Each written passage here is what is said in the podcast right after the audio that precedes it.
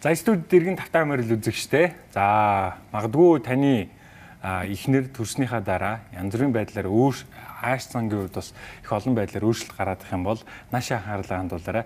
Яг юунаас болсон бэ гэдгийг яг энэ хэсэгт бид үргэлжлээд бэлэн болсон байна.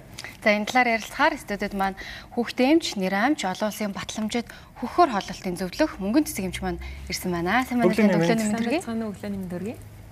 Танаас яг иймэрхүү байдлаар э, ер нь залуучууд их асуудаг уу? Ирчүүд ялангуяа. За ирчүүд гэхээсээ илүү нөгөө хөхний сүний гарц багссан ээжүүд ерөнхийдөө би хөл ээжүүдтэй илүү их ажилдаг байгаа тий. Тэгээд сэтгэл санааныхын байдлыг би заавалчгүй асуудаг. За сэтгэл санаа хэрвээ тий сэтгэл санаа нь хүүхдтэйгээ ингээ өдөр болгон хамт байгаад сайхан байна уу те сонин сайхан юу вэ гэдэг ч юм уу энгийн үгээр ихэл сэтгэл санааныхын байдлыг танддаг.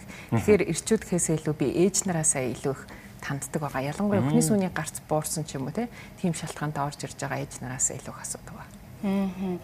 Тэгэхээр энэ төрсний дараах сэтгэл гутрал ер нь одоо нэг дэх төрөлтж бай, хоёр дахь төрөлт ялгаагүй хэд дэх төрөлтж байсан ер нь юунд өртөх юм боломжтой байдаг уу? Тийм одоо төрсний дараах сэтгэл гутрал гэдгийг ярихаас өмнө хэдүүлээ жирэмсэн үед жирэмслэл төрөлтөй холбоотой тухайн ээжийн бие махбодод дааврын өөрчлөлтөнд маш их ордог. Жирэмсэн болгоод болсон үед нь эм бэлгийн дааврууд ихсдэг. А гэтэл төрсний дараа нөгөө эм бэлгийн дааврууд маань огцон буурчдаг. Үүнтэй холбоотой бидний сэтгэл санаа бидний тэ оюун ухааныг хариуцдаг нейротрансмиттер гэдэг энгийн үгээр ярил мэдрэлийн эсэс маань ялгардаг тийм дааврууд байдаг. Тэр даавруудын хэмжээ огцон буурсантай холбоотой төрсний дараах эрт үед буюу төрсний дараах 2 дахь 3 дахь хоногоос эхлээд эхний 2-7 хоногийн хугацаанд төрсэн ээжийн сэтгэл зүй одоо тогтворгүй болох тийм шинж тэмдгүүд илэрч болдог. А энийг нь болохоор англи хэллээр бол baby blue гэж нэрлэдэг байгаа. Монголоор бол төрсний дараах төр зуурын сэтгэл зүйн хямрал гэж нэрлэдэг. За энэ бол төрсэн ээжүүдийн 50% тохиолддог. Өөрөөр хэлбэл нийт одоо Монгол улсад ойролцоогоор жилд 80 мянган ээж төрж ийн 75 мянган ээж төрж байхад 40 мянганд тохиолдож болно гэсэн үг. Энийг нөгөө том хэмжээний судалгаагаар тогтоосон байгаа. Тэгэхээр энд одоо би одоо сэтгэгцэн эмгийн түүхгүй ч гэдэг юм уу манай гэр бүл сэтгэгцэн эмгээр өвдсөн хүн байхгүй ч гэдэг юм уу би өртөхгүй гэж бодож болохгүй. Жишээлбэл би гурван хүүхэдтэй өмнө нь нас хэлжсэн. Том хүү дээрээ би яг энэ төрсний дараах сэтгэл готрал жирэмсэн үедээ болоод төрсний дараах үедээ орж исэн. А тэрийг би маш хожуу мэдчихсэн. Өөрөө эмч хэрнээ хүүхдээ эмч хэрнээ хожуу мэдчихсэн. Тэгэхээр одоо аав нар үзэж байгаа ах тэ ээж нар үзэж байгаа ах би орохгүй гэж бодож болохгүй манай их нар орохгүй гэж бодож болохгүй энэ маш ер нь илбэг тохиолддог асуудал байгаа. Одоо чинь ингээд нөө юу гэдэг төрсний дараах ээжүүд маань өөрсдөн дээр хүртэл гайхаж харах нь шүү дээ. Яг зөв. Надад яагаад ийм өөрчлөлт гараад миний сэтгэл санаа яагаад ийм тогтворгүй болоод байна. Бүр ийм гайхшигтай байх юм бол бүр анхаарлаа хандуулах хэрэгтэй юм байна. Тэгэхээр та хэлэхгүй яг энэ төрсний гутрал гэдэг нь яг сэтгэл зүйн байдлаар ямар байдлаар нөлөөлөд үзүүлээд тийм болоо. За энэ болохоор жирэмсэн ганцхан төрсний дараа биш. Тухайн ээж жирэмсэн болсон үеэс эхлээд төрсний дараах 1 жил буюу хүүхдийн маань нэг ой хүртэл нь тохиолдож болдог. Ийм том одоо цаг хугацааны интервалтай байх нь тий. Тэгээд бид нар энэ дээр гурван одоо нэр томьёог ашигладаг. Baby blue гэж сая миний хэлсэн бол энэ төр зургийн хямрал. Энийг бол энэ бол бүх ээжид 50% тохиолдож болдог бахан тий. Тэгэхээр энэ шинж тэмдэг нь удаан хугацаанд үргэлжлээд 2-7 хоногоос удаан хугацаанд үргэлжлээд байнга үргэлжлээ. Дээрээс нь өөрийгөө гэмтэх бодол, өөрийгөө муу ээж гэж итгэсэн байдал те хүүхд маань өвдөх үе, хүүхд маань гэмтэх үе, хүүхд маань өгөх үе гэсэн айдас.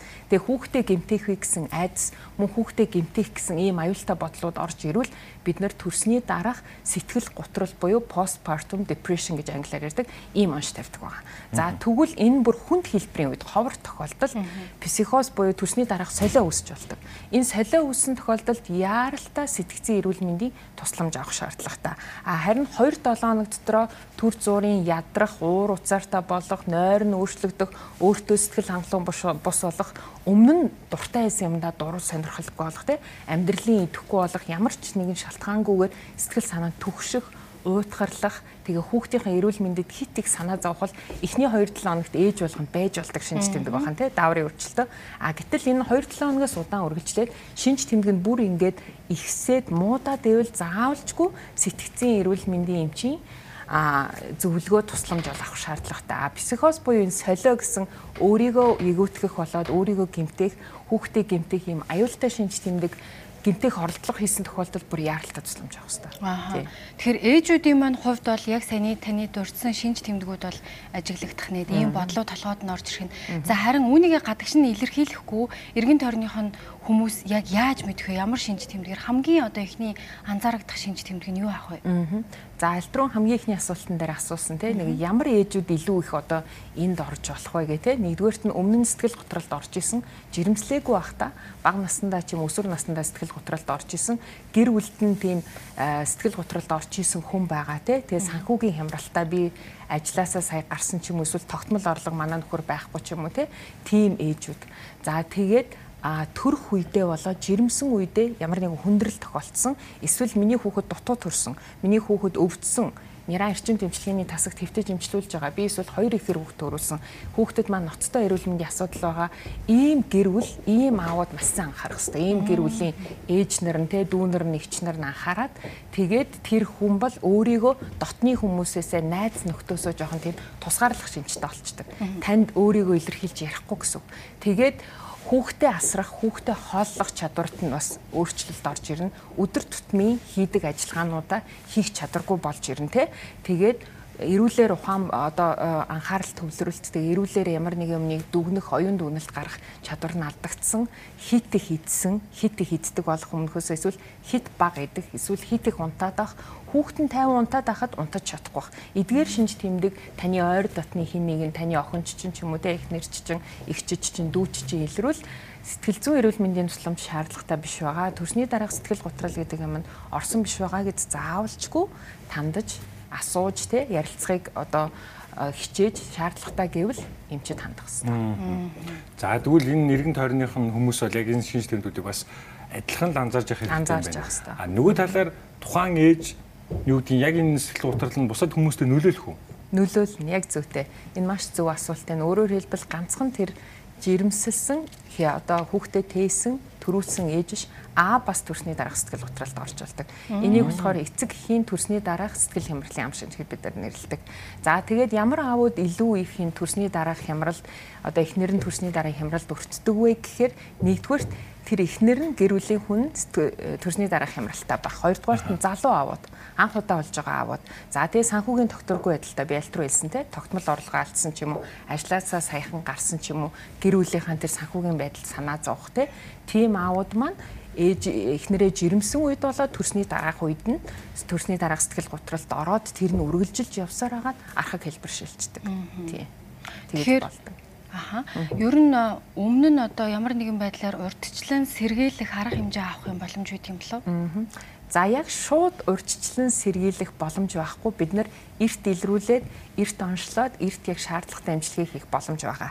А тэгтээ бас урьдчилан сэргийлэх боломж байгаа. Төрсний дараах одоо жишээлбэл би өнөөдөр амарчсан байлаа гэж бодоход эхний 2-7 хоногт надад маш сайн тусламж хэрэгтэй. Эхний 1 сарда маш сайн тусламж хэрэгтэй. Манай монголчууд энэ дээр маш сайхан уламжлалтай тий.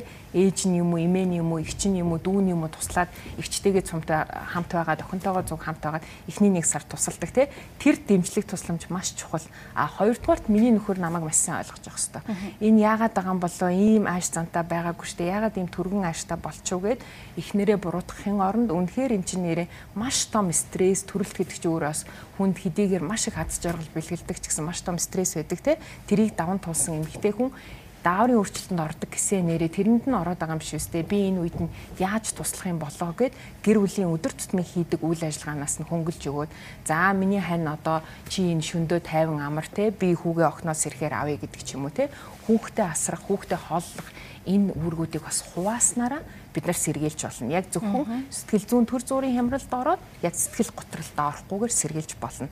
А нэгэнт ингээд сэтгэл готролд орсон ээжийг бол бид нар эрт илрүүлээд, эрт оншийн тавиад, эрт мэрэгжлийн тусламж үйлчилгээ үзүүлэх зайлшгүй шаардлагатай. Тэгэхээр хамгийн нэгдүгürt энийг илрүүлж болох эмнэлгийн мэрэгчлэн бол өрхийн эрүүл мэндийн төвийн эмч нар. Өрхийн эрүүл мэндийн төвийн эмч нар төрсний дараах ээж нэраад 7 хоног болон уулзаад үзлэг хийдэг. Бүр гэрийн эргэлтээр очдог. Тэгэхээр тэр ээжийг тандах нь те сэтгэл зүйн байдлыг мэдэх нь хэрвээ тэр ээжид ямар нэгэн хэвийн бус шинж тэмдэг хэвийн бус одоо сэтгэл зүйн байдал мэдрэгдвэл яаралтай мэрэгжлийн эмчит буюу сэтгцийн эрүүл мэндийн эмчит хандах нь а сэтгцийн эрүүл мэндийн эмчит хандсны дараа эмч өөрөө оншоо тавиад эхлээд сэтгэл зүүн сэтгэл заслын эмчилгээ хийдэг бас зарим тохиолдолд хүнд хэлбэрийн тохиолдолд сэтгэл сэтгэл гутралын эсрэг эмнүүд байдаг тэрийг зөвлөдөг байгаа тийм. Хэрвээ ингээд амжираад үргэлжлээд юу гэдэг эрт уншиж чадахгүй амжирах юм бол бүр цаашлаад бүр муу сөргөн юу байж болох вэ? За дамжирах юм бол нэгдүгээрт тэр ээж хүүхдээ гэмтэж болно. Хүүхдээ гэмтэх тийм аюултай бодол төрөөд байгаа гэсэн тий. Би хүүхдээ гэмтэж хий, би хүүхдээ өхөрөө хүүлж байгаа амьсгалыг боочих вэ? Би хүүхдээ унтж яхад нь хараагүй байж байгаа доош нь харахад нь амьсгалыг боочих вэ? Би хүүхдээ тэрж байгаад унгаагаа тархин тусгаар очих вэ гэсэн аюултай бодлууд ингээ яваад идэг. Тэгээ хүүхдээ гэмтэж болно. Тэр бүхэл өөрийгөө гэмтэх, өөрийгөө ягуутгэх амиа орлого хүртэл энэ маш том эрсдэлтэй За тэгээд архаг хэлбэрт шилжсэн тохиолдолд тухайн ээж маань архаг сэтгэл гутрах эмгэг гэсэн эмгэгтэй болж байгаа. Энэ ганцхан төрсний дараах тэр эхний нэг жил дотор үргэлжилдэг биш. Үргэлжлээл ингээ явж идэг. Өөрөөр хэлбэл сэтгэл гутарсан үедээ хөдөлмөрийн чадваргүй болох одоо ойр дотны хүмүүстэйгээ найз нөхдөйг ажлын хамт олонтой харилцаж чадахгүй харилцааны асуудал үүсэх те ажлын бүтээмж нь эрс буурах, үр хүүхдээ хайхрах үр хүүхэдтэй анхаарал тавих, нөхөртөөгөө харилцах, гэр бүл эмэгтэй хүнтэйгээ харилцах чадварууд нь буураад тухайн хүний чанартай эрүүл хэвийн амьдралд нь бүр эрс нөлөөлөө явчихдаг байна. Энэ зохиомлоор саяны сэтгэл готрлыг бий болгох боломжтой юм шиг санагдчихлаа. Яагаад гэвэл саяны дурдсан шинж тэмдгүүдийг бүр илүү хөөрэ мэдрэг хүлээж аваад түүнийг чагнаад зохиомл юм готролд орчихыг үүсэхгүй юу? За яг зохиомл готрол гэхээсээ илүү bipolar disorder гэж байдаг. Сэтгцийн энэ өвчний оншилдоо хоёр туйл тэмдэг гэдэг. Хоёр туйл тэмдэгтэй ээж нар жирэмслээ төрсний дараа илүү их энийг мэдэрдэг. Одоо энгийн ээжүүдтэй харьцуул илүү их мэдэрдэг, илүү их сэтгэл гутралд орох магадaltaй байдаг. Дээрээс нь энэ төрсний дараа эхний 2-7 хоногт үүсдэг төр зургийн хямрал байдаг лээ шүү дээ, тийм. Тэрэнд өртсөн ээжүүд маань илүү их цаашдаа 2 сартаа да төрсний дараах 3 сартаа да 4 сартаа да сэтгэл готрох эмгэгт тийм хамрагдах одоо сэтгэл готрох тийм хандлага нь илүү байгаад байдаг. Тэгэхээр өмнө нь ямар нэгэн сэтгэл зүйн асуудалтай, өмнө нь ямар нэгэн сэтгцэн эрүүл мэндийн онцтой ээжүүд бол илүү сэтгэл готролд орох магадaltaй гэж үзэж болно тийм. Тэгэхээр эмчилгээний хувьд одоо бас олон төрөл гурван төрөл байдаг гэж хэллээ шүү дээ. Илүү одоо хүнд төвшөнд орсон ээжүүдийн хувьд эмчилгээний хувьд хэр удаан үргэлжлэх вэ? Одоо магадгүй хувь хүнийхнээс онцлогоос шалтгаалдаг болов уу? Тийм яг зүйтэй. За эмчилгээнд дээр би ярьсан нөгөө хөнгөн хэлбэрийн үед бид нар ээж нарын групп гэдэг те байнга 7 хоногт нэг удаа уулздаг байж болно. За ковидын үед болохоор сошиалаар ээж нар хоорондоо өөрсдөө сэтгэл санаагаа ингээ хуваалцдаг те өөрсдийнхөө жирэмслэлтийн үеийн туршлага, төрслийн үеийн туршлага, хүүхдээ хүлж байгаа туршлага ч юм уу тэрийгэ хуваалцдаг байж болно. Энэ бол ээж нарт маш том дэм болдог. Ягаад гэвэл төрсний дараах 3 сарыг бид нар бас тухайн тэр ээжийн жирэмслэл төрөлтэй холбоотой маш чухал 3 сар гэж үздэг. Жишээлбэл бид нар жирэмслэлтийг жирэмслэлтийн эхний 3 сар, дунд 3 сар, сүүлийн 3 сарыг ангилж үздэг тийм. А гэтэл яг төрсний дараах 3 сар тухайн ээжийн бие махбодод сэтгэл зүйд болоод нийгмийн харилцаанд маш том өөрчлөлт ордог. Би ажиллаа хийгээд өдөр болго өглөө босоод би 8 цаг ажилладаг байсан бол гэртээ өдөржин суух жишээтэй тий. Би өдөржин одоо нөхөр маань ажилдаа орсон бол би зөвхөн хүүтэйгээ охинтой харьцаж жишээний. Гэх мэтчлэн маш их ганцаарддаг, маш их сэтгэл зүгээ ингэж хуваалцах, уудлах шалт одоо шаардлагатай болдог. Тэгвэл яг хөнгөн хэлбэрийн үед бид нар энэ эмчилгээг илүү зөвлөдөг. Ээж нарын бүлгэмд ороороо, ээж нарын одоо сошиалд байгаа группд ороороо бусцтай ингээд хуваалцаараа найзуудтайгаа ойр ойрхон давтамжтай ярьж байгаараа ч гэдэм үү те найз ээжтэй болоороо ч гэдэм үү ингэж зөвлөдөг. А тэгвэл хүнд хэлбэрийн үед эми эмчилгээ болоод сэтгэл заслын эмчилгээ хавсарч явдаг байгаа. Тэгээд хэр удаан хэвийн байдалд орох нь одоо тэр хэр эрт онцлоод эмчилгээ хийснээр шалтгаална. А мэдээж хувь хүний тэр суур одоо генетикийн байдал удам удам зүүн байдал болоод өмнө нь өвчилж исэн сэтгэл зүүн сэтгэл зүүн гэмтэл болоод өвчнүүд бас нөлөөлнө тий. Эмчилгээний үр дүн. За тэгвэл эн чинь ихэнх анхан шатных нь ойр тойрных нь хүмүүс нь бас яг энэ ярих энэ хэрэгсээ шаардлага нь санах шаардлагатай юм байна. Имчилж болно яг зөвхөн маш их ярилцах шаардлагатай. Маш их би ганцаардаад байна чи гэртээ эрт ирээрээ бид хоёр айгаад байна гэдэг бол энэ бас нэг шинж тэмдэг байж болно гэж нөхөр аав ойлгож явах хэрэгтэй. Тийм энэ яагаад ганцаардаад байна. Өмнө нь ингээд асуудалгүй жирэмсэн байхтай байгаадсэн ч гэдэг юм уу. Ганцаардах ямар шалтгаан байгаа хүүхдтэйгээ цугаагаа штэ гэж бодохгүй харин эсэргээр үнэхээр манай эхнэр маань сэтгэл зүүн хямралд орж байгаа юм биш үү? Сэтгэл готрол гэдэг юмд нь эхэлж байгаа юм биш үү гэж маш сайн анхаарч үзэх хэрэгтэй.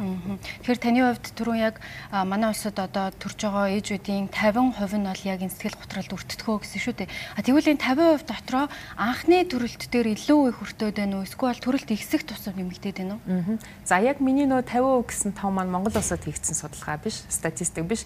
Энэ ер нь дэлхийн хэмжээнд тий ойролцоогоор 50% гэсэн тоо байгаа. За яг анхан ээж дээрээ бас илүү өртөөд байгаа тохиолдол их байгаа.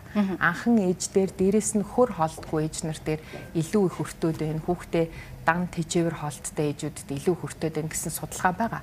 А гэхдээ бас заавал 2-р 3 дахь дээрээ би энэ төрсний дараах сэтгэл готролд өртгөө, хямралд өртгөө гэсэн үг биш. Өөрөөр хэлбэл миний амьдрал сүүлийн нэг жилийн хугацаанд сэтгэл санааг хямруулахаар те миний гэр бүлийн амьдралд ямар нэг юм тохиолдсон бол би энд маш их хэрсэлтэлтэй болчихж байгаа. За би жирэмсний маш их хүндрэлтэй байсан, жирэмсний хордлоготой байсан ч юм уу, жирэмсэн үедээ би дутуу төрхөөр завчижсэн бол энэ гимтэл маань намайг төрсний дараах сэтгэл хямралд оруулах хэрсэлтэл болчихж байгаа. За миний хүүхэд төрөлхийн хөгжлийн гажигтаа төрчлөө. Маш удаан хугацаанд нэран арчин дэмжлэгийн тасалгаанд маш хүнд хэлбэрийн хагалт хүнд хэмжээний хагалгаанд орох шаардлагатай болчихлоо. Энэ надад бас л стресс болно.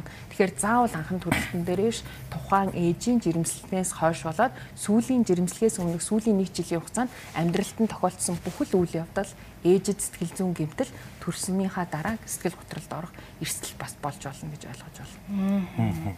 За маш их баярлалаа танд. Маш өндөр зөвлөгөөг эцэг эхчүүдэд маань өглөө. За баярлалаа. Баярлалаа үзэгч та бүхнийг бид хүүхдийн эмч нэраа эмч олон улсын батламжид хөхөр хоолтын зөвлөх мөнгөн цэцэг эмчтэй уулзууллаа. Ер нь бол одоо ээжүүдийн хувьд бол одоо тулгардаг нэг асуудал бол төрсний жирэмсэн байх үеэс ахуулаад төрсний дараах одоо нөгөө сэтгэл готролд орсон тохиолдолд ямар арга хэмжээтэйг авах талаар мэдээлэл өргөлээ.